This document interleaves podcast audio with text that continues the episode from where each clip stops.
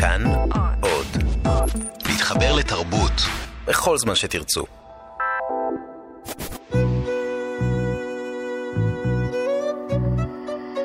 ליסה פרץ משוחחת. שלום לכם מאזיני כאן תרבות, באולפן ליסה פרץ ואני משוחחת עם אנשי ונשות תרבות על החיים והיצירה. עורכת התוכנית ענת שרון בלייס והיום האורח שלי הוא הסופר דרור משעני, שלאחרונה פרסם את הספר הרביעי שלו, שלוש, בהוצאת אחוזת בית. שלום דרור. אהלן ליסה. תספר אה, בקצרה אה, על מה הספר שלך. אני רוצה שהמאזינים שלנו ידעו בקצרה מה הספר, לפני שנתחיל בשיחה. הוא על שלוש נשים, אה, שלושה סיפורים של נשים שפוגשות את אותו גבר. האישה הראשונה, האישה אה, היא גרושה, אימא חד-הורית, אה, שמנסה ככה להתחיל לצאת לדייט עם משהו כמו שנה אחרי הגירושים, ופוגשת באתר אינטרנט לגרושים גרושות גבר בשם גיל, מתחילה לצאת איתו. הסיפור השני הוא סיפור של אמיליה, שהיא עובדת זרה, שמגיעה לישראל כדי לטפל בקשיש. הקשיש מת, היא מתחילה לחפש את עצמה שוב פה, לחפש בית ועבודה, וגם היא פוגשת את גיל. והאישה השלישית זה יותר מסובך, קוראים לה אלה, היא אישה נשואה עם ילדים, ילדות בעצם, שעושה דוקטורט בהיסטוריה, וגם היא פוגשת את גיל. וכל אחת הפגישה שלה איתו שונה, והמטרה שלה שונה. זה הספר, פחות או יותר. עכשיו, לפני שלוש, קדמו סדרת, סדרת ספרי מתח עם הבלש אברהם אברהם. שתורגם לשפות רבות והצליח בעולם וגם בארץ. והייתי רוצה להחזיר אותך לאיזה נקודת התחלה. אתה זוכר את הרגע שבו החלטת שאתה כותב ספר מתח? כן. אתה יודע למה עשית את זה? כן. כן, הייתי, כתבתי, דוק, הייתי אמור לכתוב דוקטורט על ההיסטוריה של הסיפור הבלשי. הייתי באנגליה. ובאמת ניסיתי לכתוב את הדוקטורט הזה, ובמקביל קראתי המון ספרי מתח. קצת לדוקטורט, קצת הייתי גם עורך אז בהוצאת כתר, והייתי עורך ספרות ישראלית, ספרות מקור, אבל גם עורך ספרות מתח מתורגמת. אז יצא לי לקרוא לא מעט דברים, וחלקם דברים שמאוד מאוד אהבתי. בעצם אני חושב שהתחלתי לכתוב את הספר הראשון בהשפעת ספרים יפהפיים שמאוד מאוד אהבתי. כמו? Uh, בעיקר, אני אזכיר, גיליתי אז uh, uh, שני סופרים שוודים, בעל ואישה, uh, פר ואלו ומאי שובל, שכתבו בשנות ה-60 סדרה של עשרה רומנים בלשים, שהגיבור קוראים מרטין בק. הם, הם כאילו מן ההורים של המותחן הסקנדינבי, ואני גיליתי אותם רק אז, ו... ונורא נורא נורא התלהבתי. הספר הראשון קוראים לו רוזנה, והוצאתי אותו בעברית כעורך בהוצאת כתר. הנינג מנקל והסדרה שלו של קורט ולנדר. וקראתי את כל הספרים הנורא יפים האלה, ובאיזשהו רגע אמרתי לעצמי, כמה דברים. אחד, למה לכתוב דוקטורט? אני לא באמת רוצה לכתוב דוקטורט. מי יקרא את הדוקטורט? גם לי, היו לי כל מיני חוויות לא נעימות באוניברסיטה, ו... ומצד שני, למה שאני לא אנסה לכתוב את הצורה הזאת ואת הספר הזה שאני כל כך אוהב, את הגיבור הזה שאני כל כך אוהב, בעברית ובארץ. הוא היה לך בתוך הראש, אברהם? היה לי בראש, עוד לא, עוד לא ממש אברהם, אבל היה לי סוג מסוים של בלש. היה לי בלש שהוא בלש ממוצע, בלש בינוני, לא בלש כזה, לא שרלוק הולמס כזה. והיה לי את האזור שידעתי שאני אכתוב עליו, עוד לפני שידעתי שאני אכתוב רומן בלשי, ידעתי שאני אכתוב ספר על חולון. אז היה לי את האזור, והיה לי את הדמות ככה, פחות או יותר, את קווי המתאר של הדמות. ו... ואז אמרתי, למה שאני לא אכתוב רומן במקום דוקטורט? ו... זהו, בהתחלה זה היה ב... קצת בסודיות, בעצם כתבתי בלי שאף אחד ידע, לא המנחים שלי לדוקטורט ולא... הם לא ידעו שאתה... הבוסים שלי בכתר. אוקיי, הם לא ידעו שאתה לא עומד להגיש להם את הדוקטורט. לא, בשלב הראשון לא, בשלב הראשון זה היה קצת סוד. באיזשהו, ש... רק אחרי שהיו לי משהו כמו ארבעה פרקים מהספר, כלומר שידעתי, תראי, כתבתי... האמת היא שצריך ללכת קצת אחורה. זכיתי בתחרות הסיפור הקצר של הארץ לפני, המון שנים לפני כן. והחלום תמיד היה לכתוב פרוזה. אבל, אבל זה הסתבך, זה חלום שהסתבך, ונתקעתי איתו קצת. למה? אתה יודע למה נתקעת איתו? אמ, אני מניח בדיעבד גם כי לא הייתי בשל, וגם כי לא מצאתי עוד את הצורה שלי. זה קצת, הייתי כנראה, כאילו נדמה לי בדיעבד, לא יודע, זו מין הגדרה שאני אנסה אותה עכשיו, אבל הייתי כמו, אה, לא יודע, מוזיקאי ג'אז שניסה לנגן רוק כל הזמן, או להפך, או משהו היית כזה. קצת עיתונאי ועורך. כן, ו- וכאילו, ו- כן, ואמרתי... כאילו לא- התברברת בדרך. בדיוק, ולא, ולא מצאתי עוד את, ה, את הצורה שלי. ו, ואז, אה, ואז, ואז הצורה הגיעה, וכשהגיעה הצורה אז זה נהיה יותר קל. בקיצור, אז, אז לא הודעתי לאף אחד, לא סיפרתי לאף אחד שאני כותב, עד שהיו לי ארבעה פרקים, והרגשתי שזה זה, שזהו, שאת הספר הזה אני כבר אכתוב. ואז, אה, ואז בעצם גם פרשתי, הודעתי שאני לא אכתוב את הדוקטורט, וגם הודעתי לבוסים שלי בכתר שאני הולך לכתוב רומן, ושאני צריך קצת זמן בשביל זה, ו... ואז אה, התחלתי להתמסר לזה. ו- ובעצם להחליט uh, לכתוב ספר uh, בלשי, זה קל יותר, קשה יותר מ- מרומן רגיל, בתור מי שערך ולא כתב ספרים. בשבילי, בשבילי זה, זה הרבה יותר קל. נדמה לי שזה יותר קל. תסביר לי במה זה יותר קל. תראי, זה יותר קל בכמה מובנים. אחד, הדף לא חלק. דף לא חלק, אתה מגיע לכתוב, יש שם, פח... יש שם צורה. אה, יש שם קווי מתאר של סיפור. בדרך כלל הרומן יתחיל באיזה מקרה מוות או תעלומה אחרת. יהיה בלש, תהיה חקירה, יהיו שלבים של החקירה, יהיה סוג של פתרון בסוף, פתרון מלא או פתרון חלקי.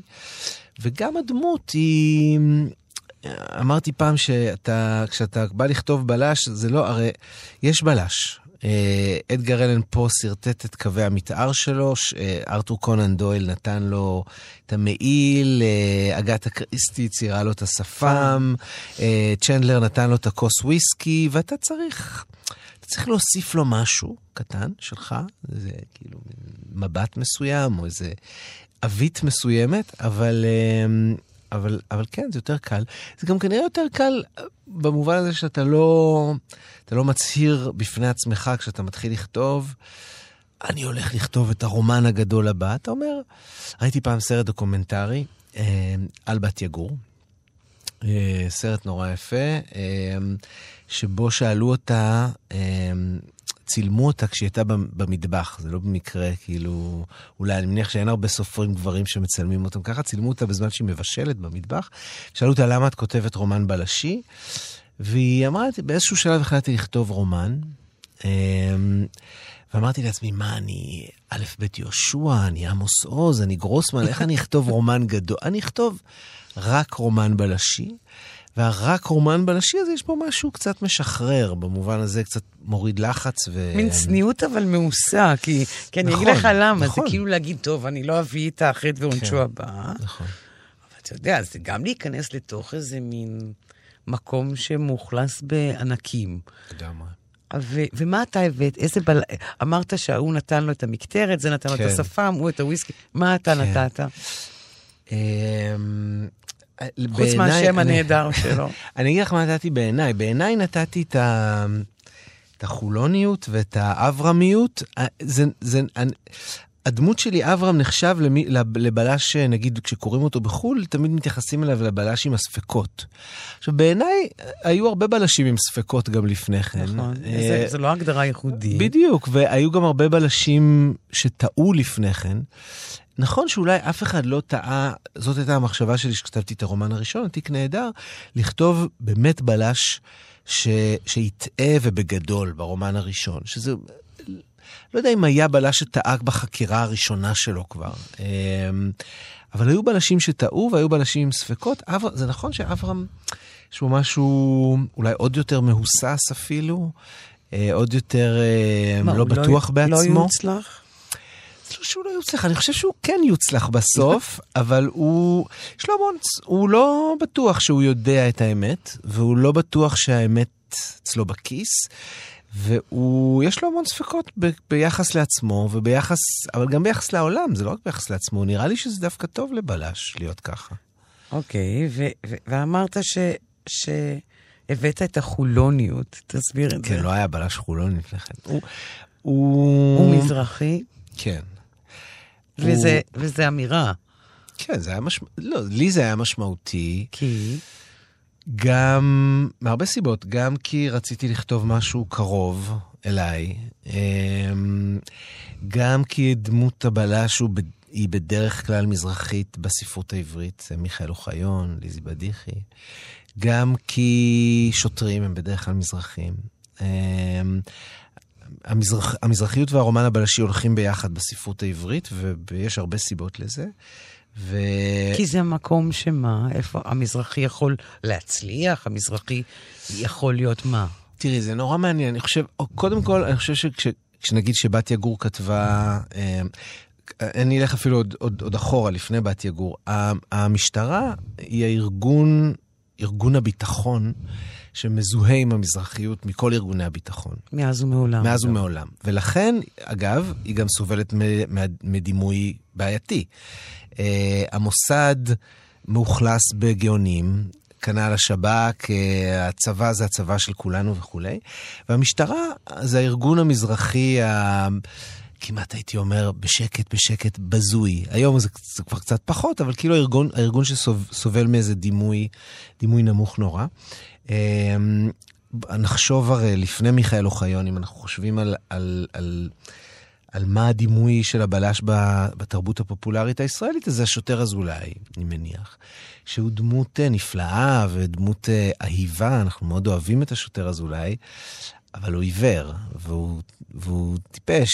אה, הוא חביב נורא, אבל הוא טיפש. אנושי נורא. בדיוק. ואחר גם נורא, כן. מיוחד נורא. נורא.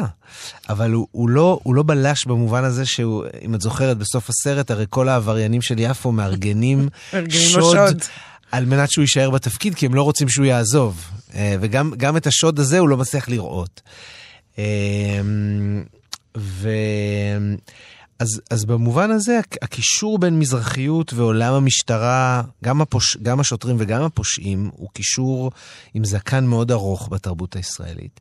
ואני חושב שכשאתה בא לכתוב רומן בלשי ריאליסטי, שזאת הייתה המטרה שלי, אה, שבאמת מתעסק בפשעים שקורים כאן, בשוטרים שעובדים כאן, אה, אז, אז אתה צריך ללכת לשם, אתה צריך ללכת לשם, בטח שאתה כותב את זה בחולון, כאילו. ואתה יכול, נגיד, לומר לי, אה, ממבט חיצוני, כן. אוקיי? שמסתכל על הבלש שלך. כן. נגיד, אדם שקורא אותו בחו"ל, כן. הוא יודע לזהות שהוא...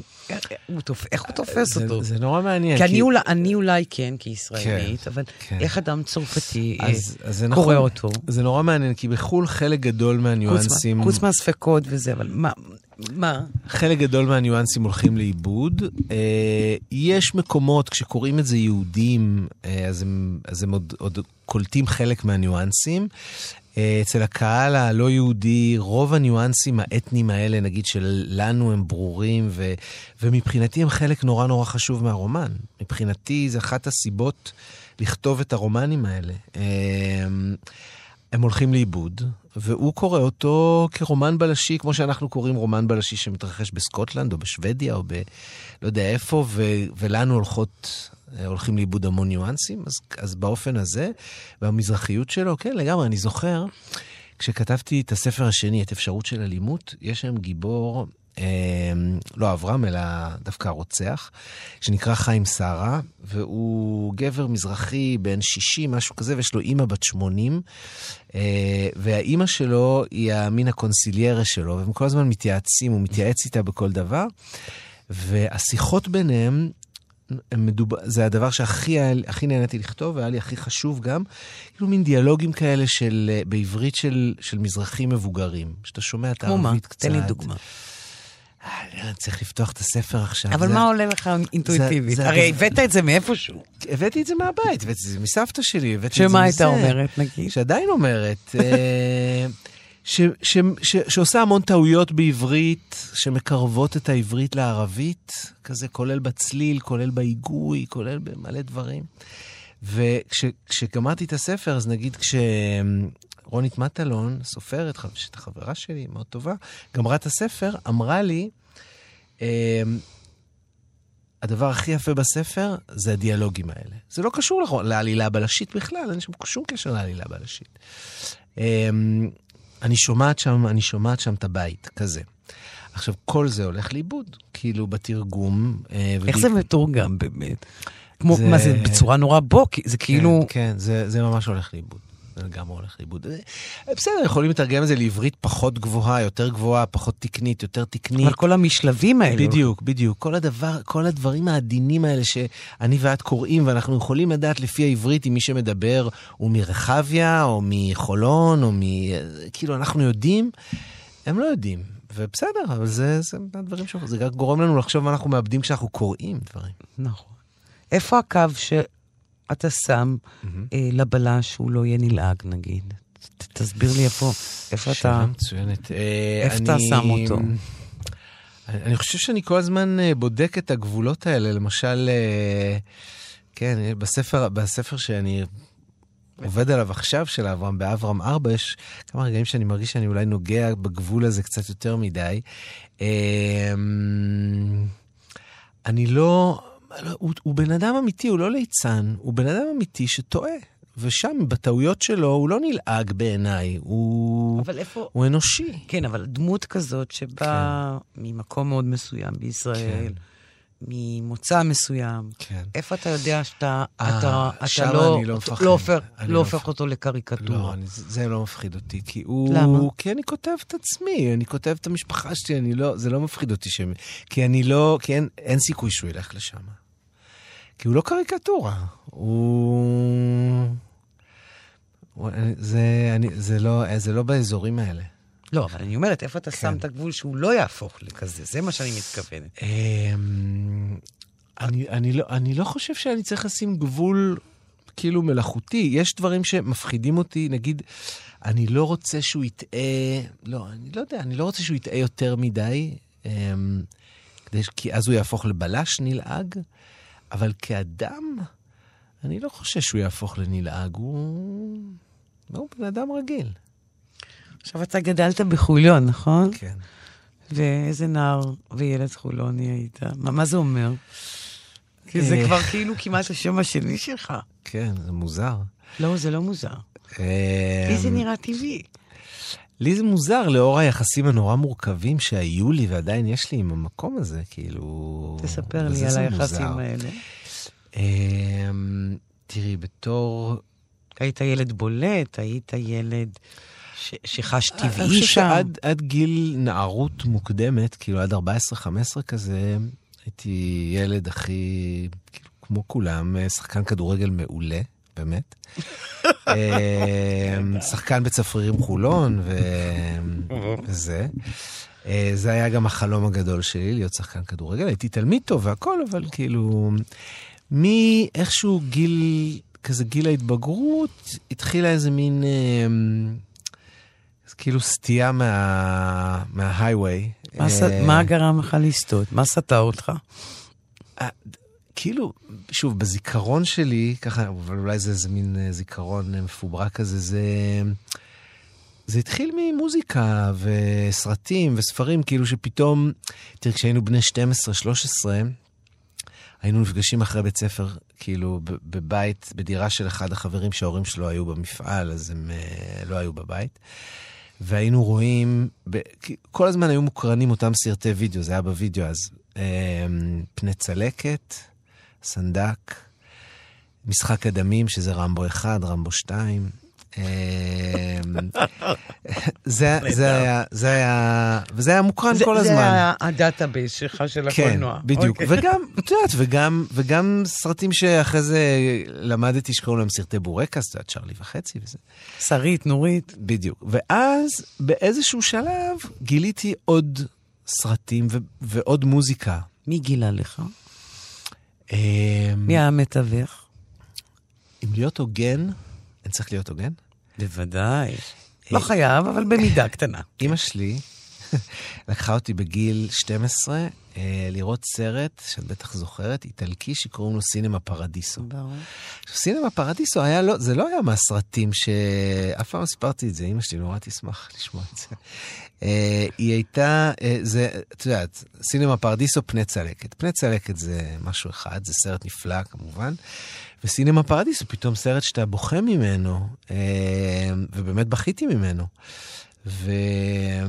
ואז, וזה פתח, כלומר, זה לא שזה רק הסרט הזה, אבל זה הסרט הזה ומוזיקה שפתאום כבר לא הייתה לגמרי המוזיקה שרק שהחברים שמעו, אלא גם דברים אחרים.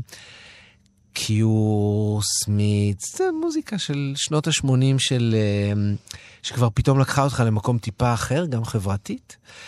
וספרים, ו... עד אז לא קראת? קראתי הרבה כילד, קראתי המון, קראתי המון בלשים, שרלוק הולמס, כזה הייתי מכור, קראתי את כל החסמבות. חמישייה אה, הסודית? כן, כן, הכל, הכל. השביעייה אה, הסודית, נכון, השביעייה. גם השביעייה השביעייה, השביעייה, החמישייה. השביעייה, אני אה, זכרתי את השביעייה, בדיוק. שאני קראתי את זה. אוקיי. אבל באמת. כזה בגיל ההתבגרות פתאום התחילה גם קריאה כאילו יותר רצינית.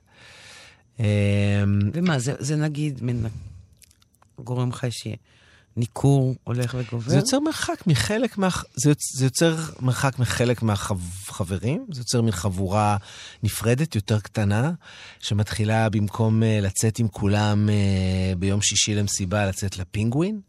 ואז אתה כאילו, פתאום אתה כבר בחבורה אחרת כזה, וזה קצת לוקח אותך ל... אתה פוגש בפינגווין אנשים שהם לא מחולון, וזה כאילו קצת מרחיק אותך מה... מהשכונה. אה, ובאיזשהו שלב גם הכתיבה. התחלתי לכתוב. אה, בהתחלה שירה, זכיתי. בגיל 15 או בגיל 16 הייתה תחרות שירה של חולון, זכיתי בתור המשורר הצעיר באמת? של העיר חולון, עם שירים די מזעזעים. אתה זוכר אותם?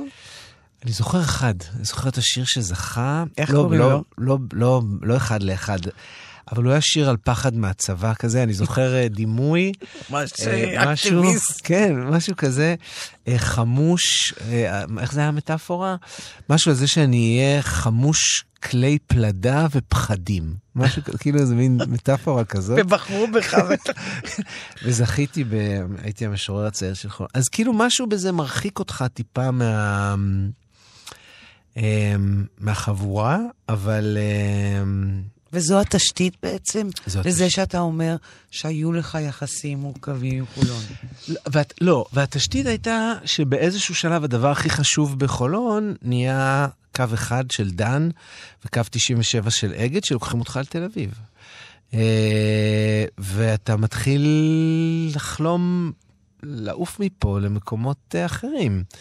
אה, שהם לא נורא רחוקים, כאילו קו אחד, זה כולה חצי שעה נסיעה, אבל הנסיעות האלה בקו אחד, רצוי אם אתה מבריז מהבית ספר, אה, הרי הנסיעות האלה בקו אחד שהן לוקחות אותך ממרכז חולון ומורידות אותך בדיזינגוף סנטר ליד קולנוע לב, זה נסיעות שלוקחות אותך מכדור הארץ למאדים, כאילו למקום שפתאום כל, יש לך את קולנוע לב, אתה יכול לראות סרטים ב-12 בבוקר וסרטים, יכול לראות איידהו שלי או כל מיני דברים כאלה. ו...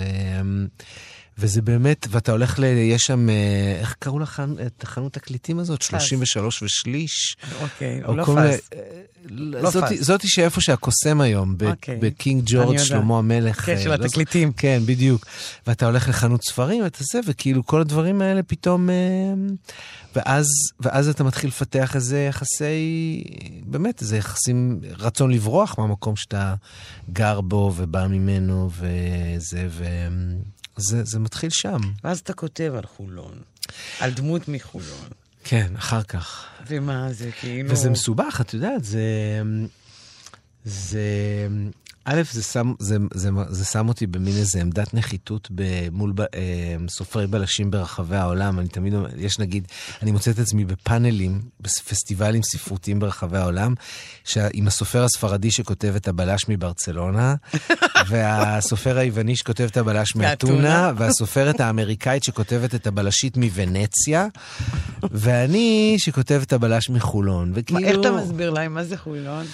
אני אומר להם שזה אה, פרבר, זה עיר פרברית, עשרה קילומטר מתל אביב, מין עיר שינה שאתם מכירים מהבית שלכם. תחשבו, תדמיינו את, ה, את הפרבר מחוץ לפריז, או מחוץ ללונדון, או מחוץ ל... ברצלונה, ו...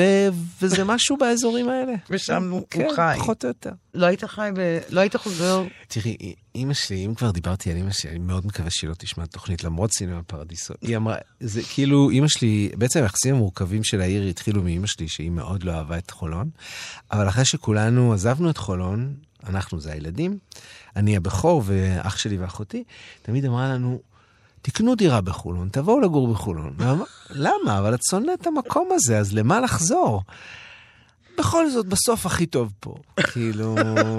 ובאמת, היו רגעים בחיים שלי שניהלתי מול זה משא ומתן הרבה יותר uh, בוער, היום זה כבר מאחוריי קצת של...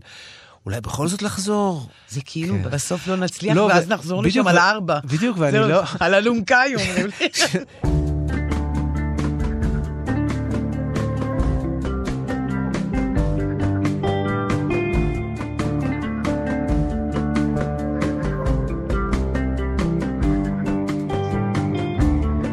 שלוש בעשר.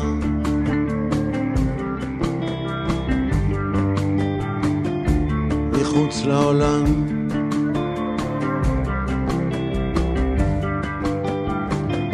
שלוש בעשר.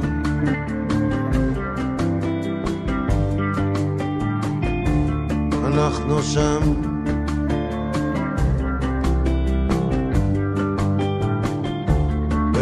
שאנחנו צריכים מיקסר יד. ברור שאנחנו צריכים. ממשיכים.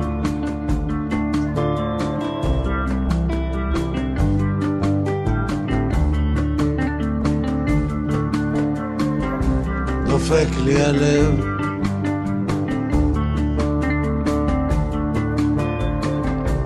קונה לך פרחים.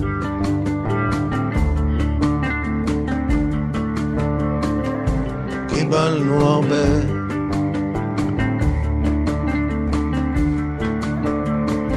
לא נהיה עשירים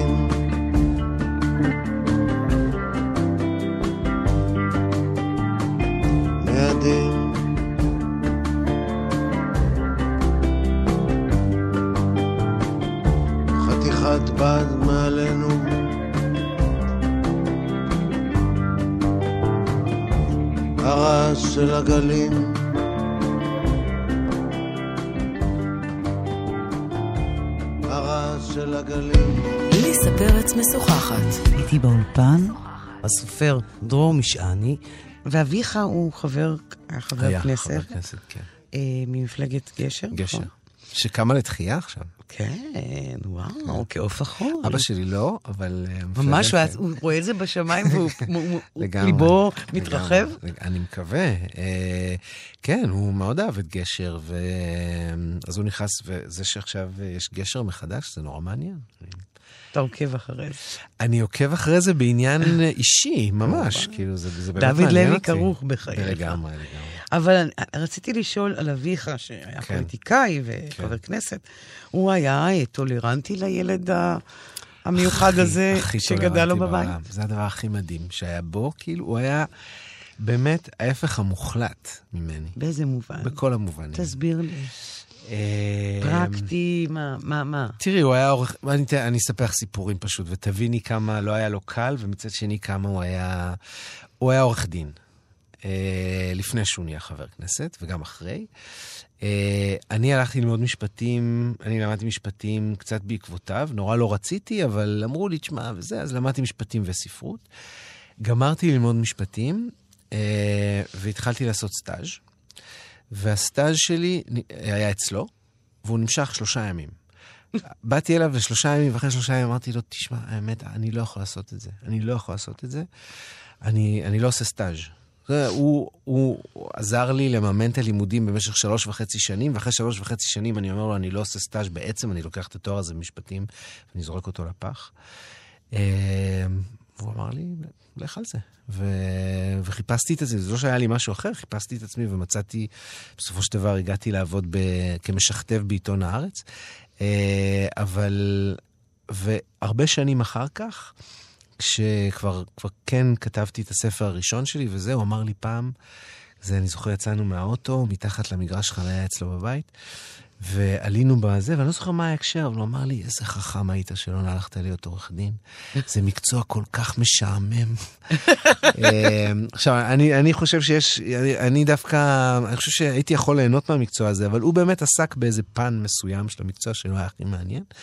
ו... אם הוא היה הפוך ממך, אז איך, איך אתה מסביר שהוא היה כך אה, פתוח אליך? אני לא יודע, אני חושב שזה א', זה אהבה, זה נדיבות. אני מייחס את זה גם קצת ל...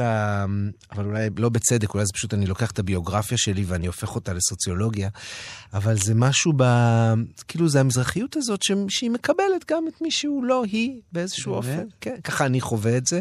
הוא, תראי, הוא היה איש צבא, הוא היה כזה רב סרן במילואים, שעשה, התנדב בגולני עד שנות החמישים שלו, וללכת למילואים היה פסגת חייו כזה, אני זוכר את זה בתור ילד, כל פעם שהוא היה מקבל צו, הוא היה מאושר. אה, ואני עשיתי צבא הרבה יותר קצר ולא מאוד הירואי, אה, וגם את זה הוא קיבל. הוא קיבל את זה שהבן שלו, אחרי כמה חודשים בצבא, הוא אומר, קשה לי, אני לא יכול, אני חייב. לצאת מפה. והוא עזר לי באופן בלתי נתפס. אה, לגמרי. אז זה כאילו ההפך ה... הוא לא פחד עליך ולא היה לו חששות ממך. כלום, לא, הוא היה, החלום, כאילו הדבר היחיד ש... כלומר, יש המון דברים שמבאסים בזה שהוא מת אה, אה, צעיר יחסית.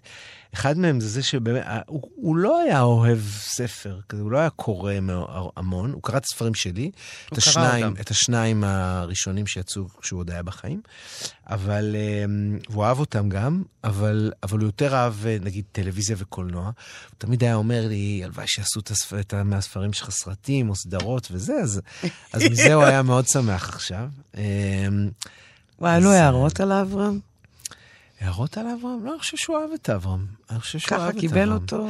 אני אגיד לך, ליסה, יש עכשיו משהו הכי מוזר שקשור באבא שלי ובאברהם. בסדרת טלוויזיה שתהיה, ב... שתהיה בארץ, אה, משחק את אה, אברהם אה, מוריס כהן, אה, שהוא שחקן אדיר. ו... אבל אני, כל פעם שאני רואה את מוריס על המסך, אני רואה בחדר עריכה וזה, אני רואה את אבא שלי. ואנשים אומרים שאני הוזה, שהם לא באמת דומים, אבל אני ממש רואה את הפנים של אבא שלי. רגע, רגע. מה זאת אומרת? הפיזיות שלו? פיז... הוא פיזית, אני רואה את אבא, אני פשוט רואה את אבא שלי, אותו אף, אותם פנים, אותו זה. ושכתבת אותו? לא, לא.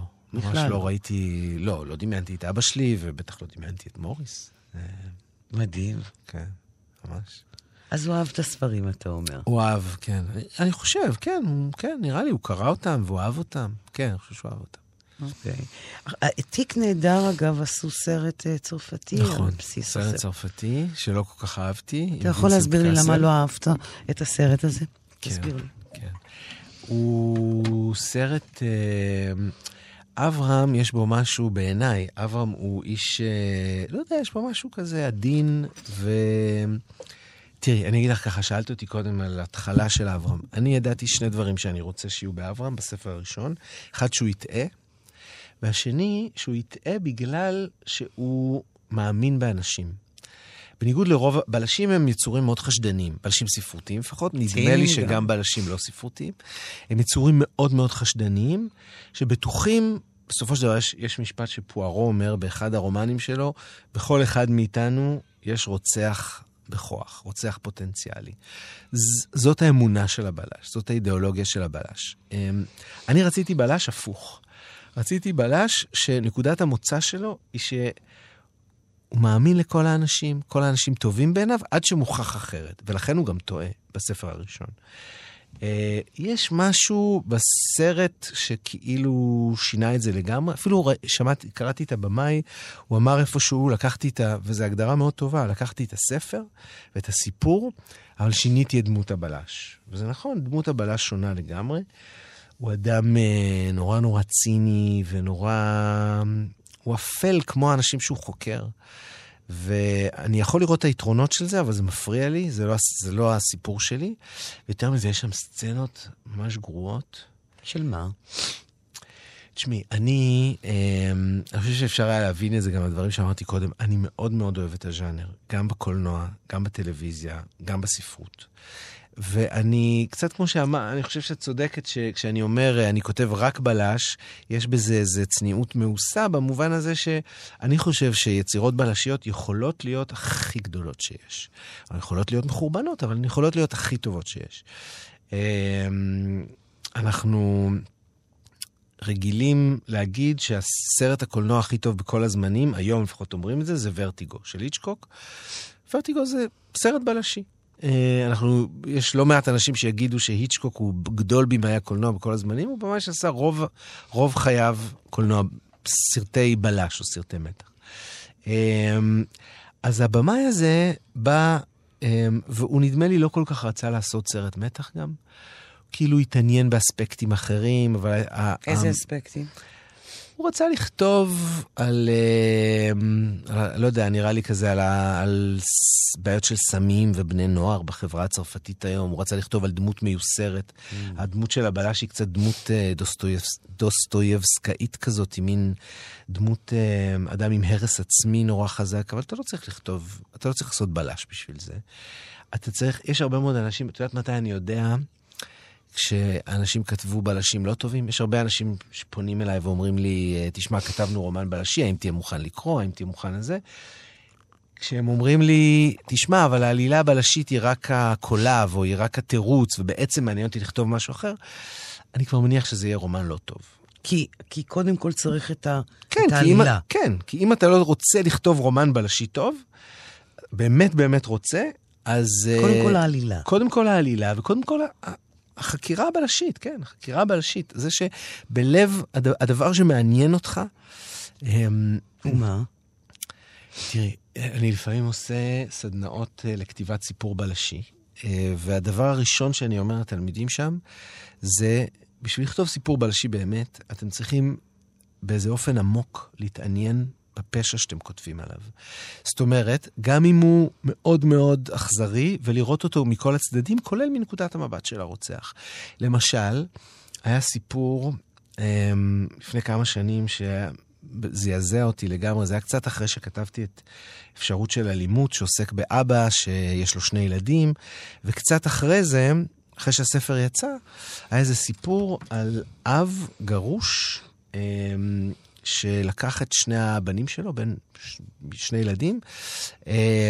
וקפץ איתם ממגדל, נדמה לי שזה היה באזור נווה צדק, קפץ איתם ממגדל, אמ, ואני אומר לתלמידים, תשמעו, כדי לכתוב רומן בלשי טוב, אתם צריכים לרצות להיות האבא הזה. ברגע הזה, שהוא עולה למגדל עם הילדים, ולרצות להיות הילדים האלה, ברגעים האלה. מה הם חושבים, מה הם מרגישים. את יודעת, דמייני את המעלית מטפסת, קומה 2, קומה 5, קומה 8. באיזה שלב הילדים יודעים מה הולך לקרות, הם עולים לגג כבר. באיזה שלב האבא עוד יכול להתחרט. כאילו, הוא עומד על סף הגג, יש לו הרי, הוא לא חייב. הוא יכול להגיד, לא, בעצם לא, אני, אני הולך אחורה. מסתובב. בדיוק.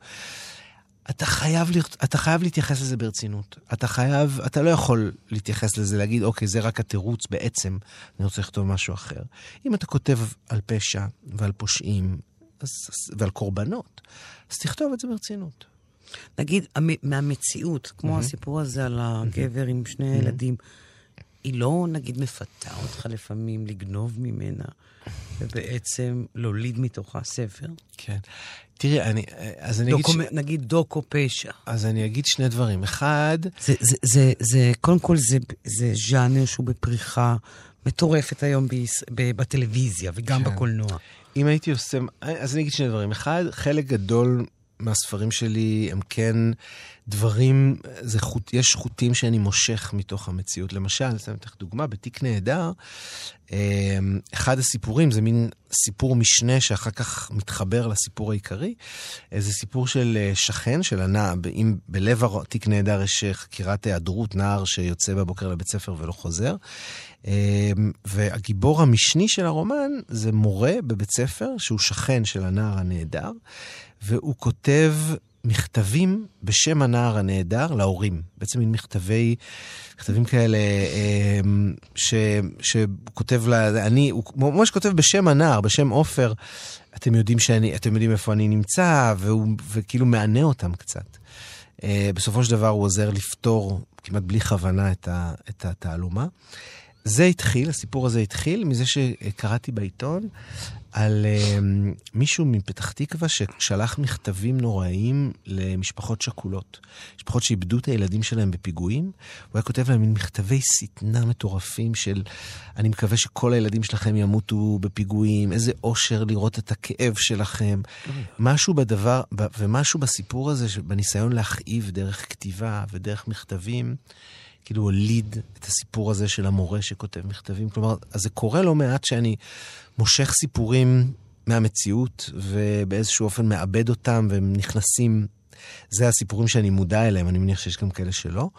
לגבי מה שאת אומרת על ה-true crime, זה נורא מעניין אותי. אני חושב שאם הייתי עושה את זה, הייתי עושה את זה לא בצורת ספר, אלא בצורת פודקאסט. אני התמכרתי לפודקאסטים.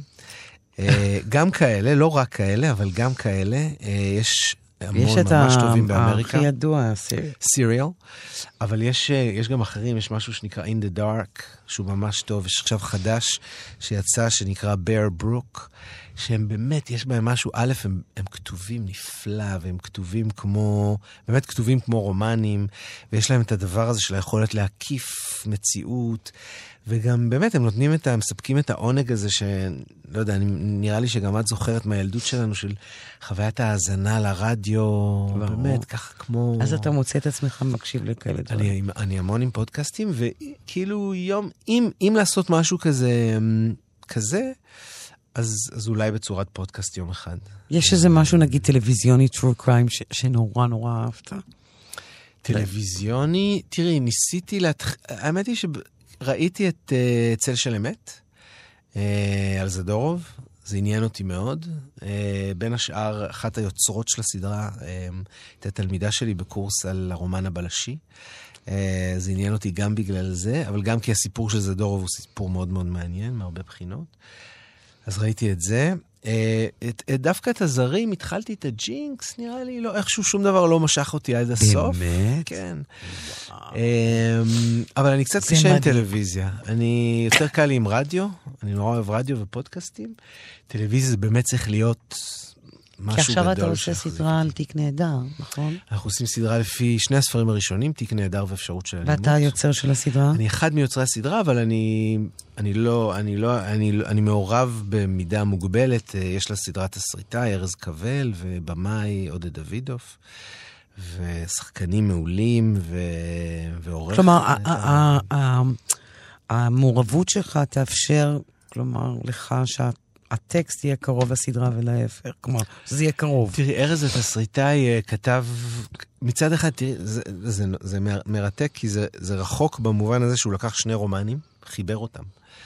אה, אז זה כבר מלכתחילה רחוק, אה, מעבר לכל שאר השינויים המתחייבים מהמעבר לטלוויזיה ודברים כאלה, ומצד שני זה גם מאוד מאוד קרוב. זה, זה כל כך הרבה יותר קרוב ממה שזה קרוב, ממה שנגיד הסרט הצרפתי קרוב, כי זה בחולון, זה מצטלם, זה הצטלם באותם מקומות שכתבתי עליהם, באותה תחנת משטרה, תחנת משטרה שאבי עובד בה, זו תחנת משטרה שהיא 200 מטר מהבניין שגדלתי בו, וזה הצטלם שם... הוא עניין אותך הבניין הזה שהיית ילד? מאוד. מאוד, מה זאת אומרת? מה, מה עניין אותך? מה הולך שם? מה הולך שם? כאילו, מאחורי ה... תראה, אתה ילד, אתה קורא סיפורים בלשיים של שרלוק הולמס, אתה עובר כל יום אה, מול הבניין הזה, אתה יודע שבפנים קורים דברים נורא נורא מעניינים, מסוכנים, מפחידים. אה, כן, אתה, אני בעצם, אני קצת, מנ... היום בבגרותי כנראה מנסה לדמיין את הדבר הזה שניסיתי לדמיין גם אז, מה הולך שם מאחורי הדלת הזאת. נכנסת לשם פעם? נכנסתי לשם עם הספר, אחרי שיצא הספר הראשון, נכנסתי לשם, אה, הייתה לי פגישה עם אה, מפקד המרחב שיושב שם, נתתי לו את הספר, לדעתי הוא לא קרא אותו. איך אתה יודע שהוא לא קרא אותו? כי הוא לא אמר לי כלום עליו מאז. לעומת זאת, אבל לעומת זאת, כשצילמנו את הסדרה, כשצילמנו את הסדרה, היינו שם המון. וגם, את יודעת, אמרו לה, אני זוכר שצילמנו, היה שם קטע נורא מצחיק, אמרו. כזה, הגענו כל הצוות, והגענו גם עם חלק מהקאסט, חלק מהשחקנים שרצו לראות איך נראים שוטרים ולדבר איתם קצת וזה. אז אמ, כזה הציגו, לא זוכר מי זה היה, אולי המפיק, הציג אותנו ואמר, הנה זה הבמאי וזה התסריטאי וזה הסופר שכתב את הספרים שמתרחשים פה בתחנה הזאת. זה לא נורא עניין אותם, אבל כשהוא אמר, וזהו זהבי, זה היה כולם, אה, הוא זהבי, תביא חתימה.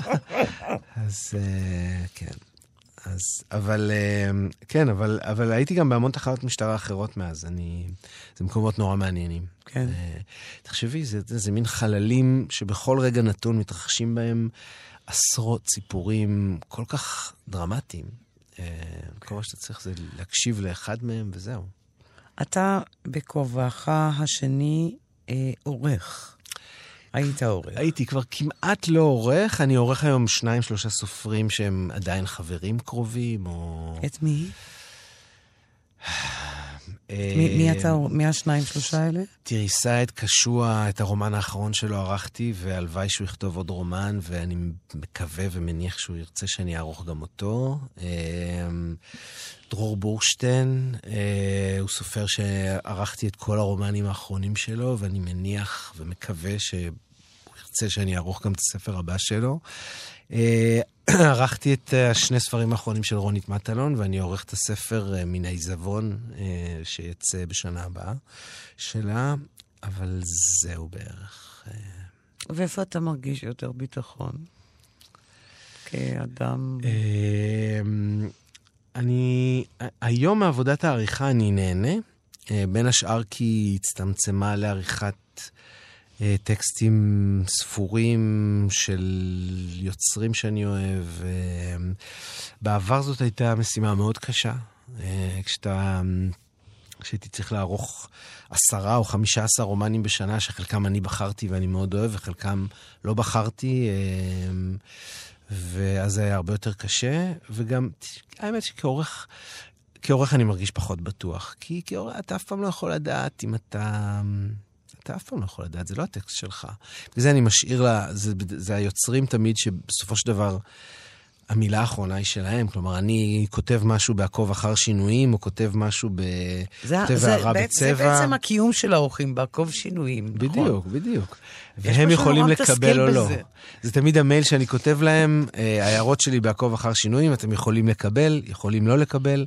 זה טקסט שלכם, ובמובן, יש, יש גם משהו משחרר בזה, אני מניח שהיה לי קל לעמוד מה, קצת מאחורי הקלעים כעורך הרבה שנים, כי זה, בסופו של דבר זה לא שלך. אה, אני זוכר שעבדתי עם, ערכתי ספר אחד של עמוס עוז, כשהייתי עורך בכתר, בין חברים, קובץ סיפורים, ובאתי אליו ככה באמת עם המון חשש וזה, ואמרתי לו, תשמע, חלק מהסיפורים מושלמים בעיניי, חלק אולי קצת פחות, אולי פה הייתי משנה משהו, אולי פה הייתי משנה משהו. לחלק מהעצות הוא הקשיב ולחלק לא. והוא אמר, אתה יודע, גם, גם אם אני מסכים, אני יכול להשאיר סיפורים לא מושלמים. אמ, זו עצה טובה. אני חושב שכן, ואני חושב, ש... ואני חושב שגם, שוב, העמדה כעורך היא, את... נכון, זה, זה הסיפורים שלך, זה הסיפורים של עמוס עוז. אבל ככותב, היית משאיר סיפורים... אה, אני חושב שבדיעבד, נדמה לי שזאת הייתה עצה מאוד חשובה, כי, כי אתה לא יכול, יש, יש, יש לך איזו תקרה שהיא התקרה שלך, שאתה לא יכול ללכת מעבר לה, אתה, אתה יכול לנסות לשפר סיפור. כשמישהו קורא, שיש לך עורך או עורכת, לי יש עורכת נהדרת, שירה חדד, וכשהיא מראה לי משהו, אני לפעמים יכול לתקן אותו, אבל יש מקומות שאני כבר לא יכול לתקן מעבר להם, ויכול להיות שסופר אחר היה עושה את זה טוב ממני. אבל זה מה שאני יכול לעשות. ולראשונה בחייך עם שלוש, אתה הופך לרב מכר. מפוצץ כן, טבלאות. כן, מה? ממש. איזה כיף זה. נכון, ממש. זה מאוד כיף, כן. אז מה היה בשלוש שאתה חושב שהזניק אותך לשם? אני חושב שזה העובדה שאולי זה לא רומן בלשי במובהק. אנשים, אנשים, לאנשים יש איזה מין, אה, יש להם את הדעה הקדומה הזאת שכאילו ספרי מתח זה רבי מכר. בישראל זה לא ככה. אה, בישראל זה בדרך כלל הפוך. אמ, רוב הספרות המצליחה, היום, טוב, היום זה קצת שונה, היום יש רומנים רומנטיים או ספרות אירוטית אה, שנמכרת די טוב וזה, אבל אה, לספרי, לספרות מתח מאוד קשה להצליח בארץ. אה, אני זוכר כעורך של ספרות מתח מתורגמת, הוצאתי דברים שמכרו מאות אלפי עותקים ומיליונים ברחבי העולם, ומכרו פה בקושי עותק וחצי. יש לך הסבר לזה? למה הקהל הישראלי הוא... כן, אה, יש לי, אני חושב, כמה הסברים. אחד, זה שהספרות הישראלית בגדול התחילה כספרות מאוד מאוד רצינית. מאוד לאומית, מאוד רצינית. אה, ספרות זה דבר שצריך להיכתב על ענייני השעה. ספרות זה דבר שצריך, אם, אם זאת ספרות ישראלית, צריך, צריכה לדבר על מצב, מצב האומה, אה, העבר, הווה, עתיד. אה, גם, גם בתרגום, הספרות, יש לה איזו משימה קדושה. אמ, ו, ובמובן הזה לז'אנרים בכלל היה קשה להתפתח. עכשיו, כמה מדע בדיוני יש בעברית. אמ, ו... והדבר השני, אני חושב ש... אני חושב שקריאת בלש זו גם... זו מסורת שצריכה להתפתח. כלומר, אנחנו לא מורגלים גם בקריאת בלשים בגלל הדבר הזה שתרגמו מעט יחסית. אמ, ואולי עוד דבר ספציפית זה שנשים כמעט לא קורות מתח בארץ. אמ, רוב, רוב המתח שנקרא, נקרא על ידי גברים, ולכן רוב המתח שגם נכתב בארץ זה בדרך כלל מוסד שב"כ וכאלה דברים שאני לא, שלא מעניינים אותי כל כך. ולעומת אה, זאת, מה, הקוראים שמחזיקים את ספרות המתח באנגליה, בארה"ב, בצרפת, זה בדרך כלל קוראות. אה, תחשבי על אה, סופרות מתח ענקיות, באמת, מי... רוב... הרי המתח זה ז'אנר שסופרות התבלטו בו ממש מההתחלה, ועד היום, כאילו, מאגתה קריסטי ועד אה, ג'יליאן פלין. ו... ו... ובארץ יותר קשה להם. אז פתאום אתה חורג. כאילו מהז'אנר ומצליח. בדיוק, אז פתאום זה לא רומן בלשי, והמון אנשים באו אליי ואמרו לי, תשמע, אנחנו... לא קראנו את הספרים הקודמים שלך כי אנחנו לא אוהבים בלש. ופה, מכיוון שלא מדובר ברומן בלשי באופן מובהק, אז נתנו לזה צ'אנס ונהנינו. אז, אה, אז אני חושב שזה קצת קשור לזה. אה, אני לא יודע למה עוד. אולי זה ספר יותר טוב, אני לא יודע. קיבלתי תגובות מאנשים שאמרו לי, זה הספר הכי טוב שכתבת. אה, אני לא יודע אם זה משמח או לא, כי זה קצת מעליב את השלושה ילדים הראשונים, אבל uh, בסדר. בן, לא, הוא לא בן זקונים עדיין, יש, עוד, יש עוד בדרך. בדיוק. Uh, אבל אני חושב שזה קשור קצת לזה. אז לעוד, לחיי עוד ספרים... רבי מכר, מוצלחים, טובים ופופולריים. תודה, ליסה. Uh, תודה רבה, דרור. תודה, היה כיף. עד כאן השיחה עם הסופר דרור משעני, באולפן ליסה פרץ, עורכת התוכנית ענת שרון בלייס. אתם מוזמנים להאזין לנו גם ביישומון כאן אודי. תודה ולהתראות. אין עוד אהבה כזאת, לא תהיה כזאת בליבי. בכל כולי התמסרתי ורציתי רק אותך. אין עוד הרגשה כזאת, לא תהיה כזאת בחיי. אתה שורף את עיניי, לא ידעתי לא חלמתי שתהפוך את חיי. מימות שאין עוצמה, אין אוקיינוס מספיק גדול רק בשבילנו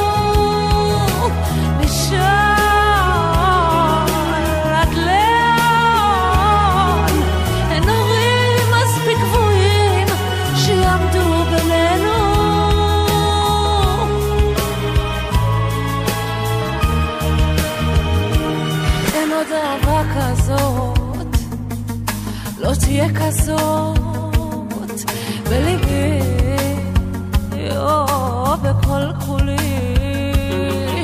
התמסרתי ורציתי רק אותך.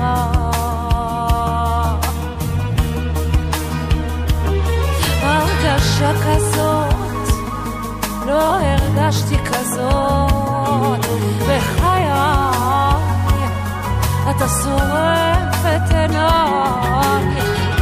ידעתי, לא חלמתי שתהפוך את חיי.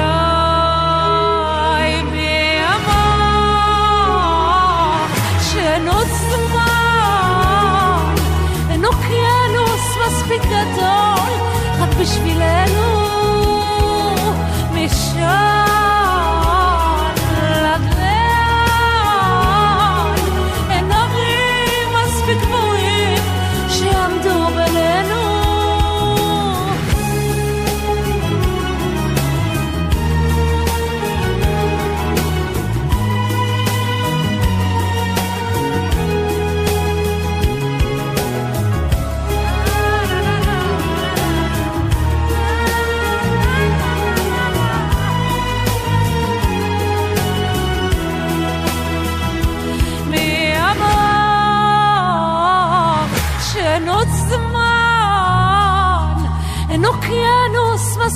גדול רק בשבילנו.